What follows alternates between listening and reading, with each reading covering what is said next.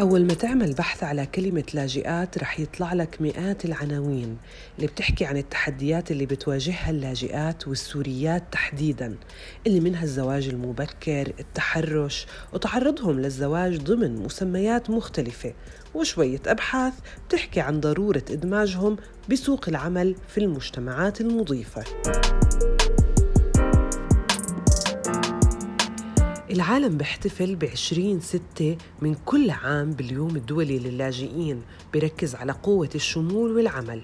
في دراسة لجمعية معهد تضامن النساء الأردني بتقول إنه في مليون طفل سوري ولدوا خارج بلادهم بالدول المستضيفة تركيا، لبنان، الأردن والعراق ومصر. 700 ألف طفل هم خارج المدارس. 70% من اللي بيحتاجوا للمساعدة هم من النساء والأطفال. بتستضيف كل من لبنان والأردن أعلى نسبة في العالم من اللاجئين مقارنة مع عدد السكان. بين كل هالأرقام قصص كتيرة بعيدة عن الدراسات عندها ذكريات تحديات بسيطة عاشتها. كيف بتتذكر طفولتها وسوريا تحديدا؟ كيف كانت ليلة اللجوء؟ وكيف قدرت تتجاوز المشاكل اللي مرت فيها.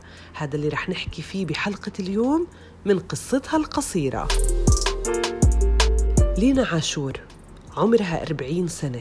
بتحب الرسم وهو الوسيلة اللي بتخليها تعبر عن نفسها وعن اللي جواتها. بتتذكر الشام وتفاصيل مدرستها وهي صغيرة. أنا لينا من مدينة دمشق تواليد الصالحية أنا الكبيرة بإخواتي نحن بنتين وشابين البنات أكبر من الصبيان. عايشين نحن بابا وماما الحمد لله وضعنا كان حلو بيتنا دافي. يعني دفى العيلة كلها موجود بعيلتنا الحمد لله. بابا كان مملي علينا حياتنا. أه مرحلة الدراسة والطفولة يعني كتير حلوة كانت على هوا أيام هلا بقول الأيام كانت كتير حلوة. كنا عايشين بسعادة. مدرستي بالإعدادي أكتر شي بتذكره يعني. الابتدائي ما كتير الإعدادي كانت كتير مرحلة حلوة. كنت شاطرة بالجغرافيا وحب أرسم الوطن العربي وأرسم آه، مخطط سوريا. آه، دراستي كانت لا سيئة ولا جيدة كتير يعني مواد ومواد. آه، بس يعني تجاوزتها بعد المتوسط بنقول. بس كنت بارعة بالرسم كتير فكان عندي اهتمام يعني مع المعلمين كانوا يهتموا في عندي موهبة حاسين إنه حتى برياضة كمان كنت ألعب رياضة. آه، أهلي الصراحة ما كتير ساعدوني لا بالرياضة ولا بالرسم. كان يعني عقليتهم شوي صعبة. التحديات اللي واجهتها لينا كانت قبل اللجوء بسنين. مش مجرد إنه أهلها ما دعموا موهبة الرسم والرياضة لينا كمان ما قدرت تكمل مشوارها في التعليم.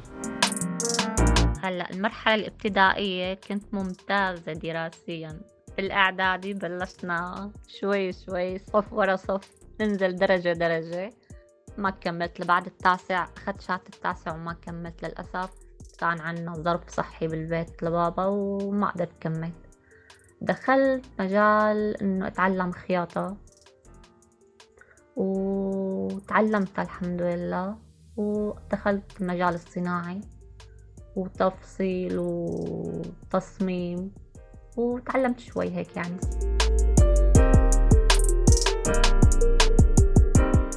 دخلت المجال الصناعي تعلمت الخياطة من شكة الإبرة للخياطة اليدوية للصناعية تفصيل تصميم طبعا مع إشراف آه، مصممين. مساعدة كنت لهم وهنن يصمموا وأنا اللي نفذ القطع. طبعا هذا الشيء أخذ مني تقريبا عشر سنين بعدين تزوجت. آه، كانت مرحلة صعبة. يعني نحن أنا وأختي كنا الكبار بالبيت المسؤولية كانت علينا نحن. فما كان في مجال إني لا أفكر لا برسم لا برياضة ولا أي شيء. يعني بدك تقولي الطموحات راحت. بدك تقولي الطموحات راحت. هيك عبرت لينا عن هالمرحلة رغم إنها حبت الخياطة لما تعلمتها. بس هذا ما بلغي فكرة إنه تركتها للمدرسة وعدم الاهتمام بشغفها خلاها تحس إنه ما حققت اللي بتحبه. بس عملها بالخياطة خلاها تلتقي مع حب حياتها وتعيش قصة حب انتهت بالزواج. تعرفت على زوجي بمكان عملي. آه يعني بدك تقولي حبه من النظرة الأولى. خطبنا وتزوجنا بعد سنة تقريبا. قضينا سنتين حلوين بسوريا. آه شو بدي أحكي لك؟ آه يعني اثنين حابين بعض. حياتهم رح تكون على الصعوبات مع بعض ولا يهمهم أي شي بالحياة يعني. الحمد لله يعني كونا بيت حلو بس للأسف ما تهنينا بالشي بلشت الأحداث تركنا وجينا على الأردن. وهون بلشت المعاركة مع الحياة عالم جديد ناس ما بعرفها ما إلك حدا. يعني رحلة عذاب شوي قصيرة. العدد الإجمالي للاجئين السوريين المسجلين في الأردن حتى نهاية 2018 بحدود 673 ألف لاجئ فيما يقدر العدد الإجمالي للسوريين بمليون و380 ألف لاجئ. الحياة ما ضحكت كتير للينا بعد زواجها من الشخص اللي بتحبه. بدت الأحداث في سوريا الأزمة صارت تكبر والحل كان إنه تترك بلدها. بس كيف كانت هاي الليلة؟ طلعنا من سوريا كان يوم جمعة. أصعب يوم يوم اللي ودعت أهلي. ماما قالت لي لا تروحي. وأنا كنت مضطرة إني سافر مشان زوجي يعني طبعا. آه جينا على الأردن. وصلت على المطار من المطار جينا على صويلح دورنا كتير على بيوت. طبعا لا بتعرفي بالعملة ولا بتعرفي بأي شيء ما عنا فكرة أبدا أبدا إنه شلون العيشة بالأردن. آه سكنت بصوالح شهر عند عائلة رائعة. إنسانة كتير بحبها. أم رامي خالي أم رامي بعزها كتير. آه ضمتني يوم ما كنت منهارة على قد ما دورنا على بيوت وما لقينا. وما بعرف شي يعني مبعدة عن أهلي كنت منهارة يومها. ضمتني وحضنتني وقالت لي نحن أهلك. قضيت شهر بالصوالح بعدين انتقلت على عمان الشرقية. قضيت فيها أربع سنين. ما بحبها لهالمرحلة اللي قضيتها بعمان الشرقية. يعني كانت المعاناة الأساسية هنيك. بعدين زوجي الحمد لله اشتغل بعمان الغربية وبلشنا الحياة الجديدة هنا رجعت لينا كمان مرة تبني بيتها وبلشت الحياة تتغير معها. وضعها تحسن وانتقلت لمكان جديد وتعرفت على ناس جداد أقرب إلها ولبيئتها. زوجي اشتغل محاسب بشركة مواد تجميل. هون بلشنا حياتنا الجديدة أسسنا بيتنا وجبنا كل شي ناقصنا تقريبا الحمد لله. وسجلت دورة قرآن وهون تعرفت على ناس بيشبهوني يعني. أه بلشت حياتي يعني تتغير الحمد لله للأفضل. الصعب كان عندي إنه بيتي بسوريا الحمد لله يعني أي شي بتتخيلي كان عندي موجود. جيت على الأردن ما عندي أي شي. طبعا مرحلة إنك تأسسي بيت من الصفر صعبة. يعني أخذت وقت لحتى تحسن الوضع الحمد لله. بس للأسف ما في شي بيكمل إجت الكورونا وخربت علينا كل شي. كل ما قربنا أكثر من التفاصيل كل ما عرفنا تحديات أكثر الوضع المادي والوضع النفسي ما كان سهل أبدا على لينا وزوجها. هلأ التحدي النفسي والمالي الاثنين صعبين. أول شي اشتغل زوجي براتب قليل تاني شي ما عندك أي شي ما كان عندي غير غسالة وبراد فقط لا غير. هون الصعوبة. بلشنا يعني بدي أقلك أول شي انتقلت على بيت مفروش. بعدين أخذنا بيت أحسن لأنه البيت المفروش اللي أخذناه كان روف ودلف ووضع مأساوي كتير يعني. بعدين أخذنا بيت فاضي ودينا شوي حق غرفة النوم. أه وفيناهم شوي شوي بعدين جبنا طقم كنب. يعني هيك يعني الوضع المادي كان عم يتحسن بس ببطء. يعني قول من إيه خمسة من هون عشرة من هون جبت مكمورة صرت صمد. أه هيك لحتى أحسن تجيب غرض غرض.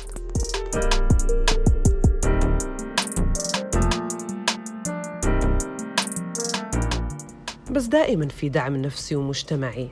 قادر يسهل الصعوبات بحياة أي شخص. لينا التحقت بدورات نفسية لتصير أقوى وتتخطى اللي مرت فيه. هلأ بالمرحلة اللي كنت عز المأساة يعني مثل ما بيقولوا وضعي النفسي زفت. آه، تعرفت على مركز نور الحسين. في المعالجة آلاء يعني هي كان لها فضل كتير كبير علي إنه ساعدتني نفسيا يعني قوتني صرت أحضر محاضرات عن تقوية الذات عرفت ذاتي عرفت أنا شو بدي عرفت آه، نقط كتير بحياتي يعني مثل ما بيقولوا اكتشفت حالي. آه، كنت أنا أحس حالي إني ضعيفة ما بقدر أعمل ما بقدر أقول لأ ما بقدر غير شي بحياتي. لا هن عطوني الدعم النفسي والمعنوي وهن شجعوني كمان على الرسم بزيادة. ورجيتهم بعض رسوماتي وهن شجعوني. فإلهم فضل كبير علي يعني ما بنسى. هلأ بالنسبة لحياتي كانت مقسومة لشقين الشق النفسي والشق الجسدي. أنا نفسي كان مدمرني داخليا وجسدي أنا معاي مرض روماتويد. كان مأثر علي وعلى نفسيتي بزيادة كمان. يعني مسبب لي إعاقة بال... مو إعاقة بمعنى الإعاقة يعني بس عندي صعوبات بالحياة يعني حياتي اليومية. كان مأثر علي نفسيا بزيادة. هلأ لما بش... بلشت بالجلسات مثل ما قلت لك كان في جلسات تقوية الذات. أنا إنسان إنسانة خجولة يعني بطبعي. بحب الناس بحب عاشر بس مو من ما كان يعني بقدر إني أرتاح له مثلا. أه تعرفي أوقات على ناس بيستغلوكي وأنا من خجلي ما كنت أه يعني ما كنت أه أقدر أقول لهم لا لا تعملوا هيك معي لا أنا ما بحب هذا الأسلوب. بس لما حضرت هاي الجلسات يعني تغيرت شخصيتي يعني صرت لا أنا موقف ما آه ومثل ما هن أنانيين وعم يفرضوا حالهم علي بقصص أنا لا صرت عندي قوة شخصية يعني صرت دافع عن حالي بما معنى. لينا قدرت تحول العفن اللي كان موجود على أول حيط عاشت فيه لرسمة حلوة. جابت دفتر وألوان ورجعت تفرغ طاقتها بالرسم. أول رسمة رسمتها رسمتها على الحيط بالبيت اللي كنت ساكنته. كان عليه عفن وبدي روح العفن بطريقة إذا مسحته راح يطلع بشع الحيط. فالعفن اللي على الحيط سويته رسمة. هاي كانت أول رسمة برسمهم بالأردن. طلعت حلوة رسمت منظر طبيعي. وبعدين جبت ألوان جبت دفاتر وبلشت تعبر عن اللي جواتي. أكتر شي يعني بحب أرسمه صور للمرأة والحيوانات يعني هيك أفرغ عن طاقتي يعني. لما يكون عندك وقت فراغ بدك تملي والحالة النفسية اللي انت عايشتي يعني بدك تفرغي طاقة الطاقة اللي عندك. هون بلشت أرسم ورجي أهلي ورجي رفقاتي الرسمات صاروا يشجعوني وبالمركز كمان شجعوني.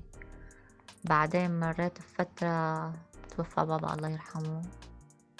آه رسمت صورته ومن بعد منها ما عاد حبيت أرسم. ما بعرف ليش. أوقات تجيني فترات بحب إني أرسم.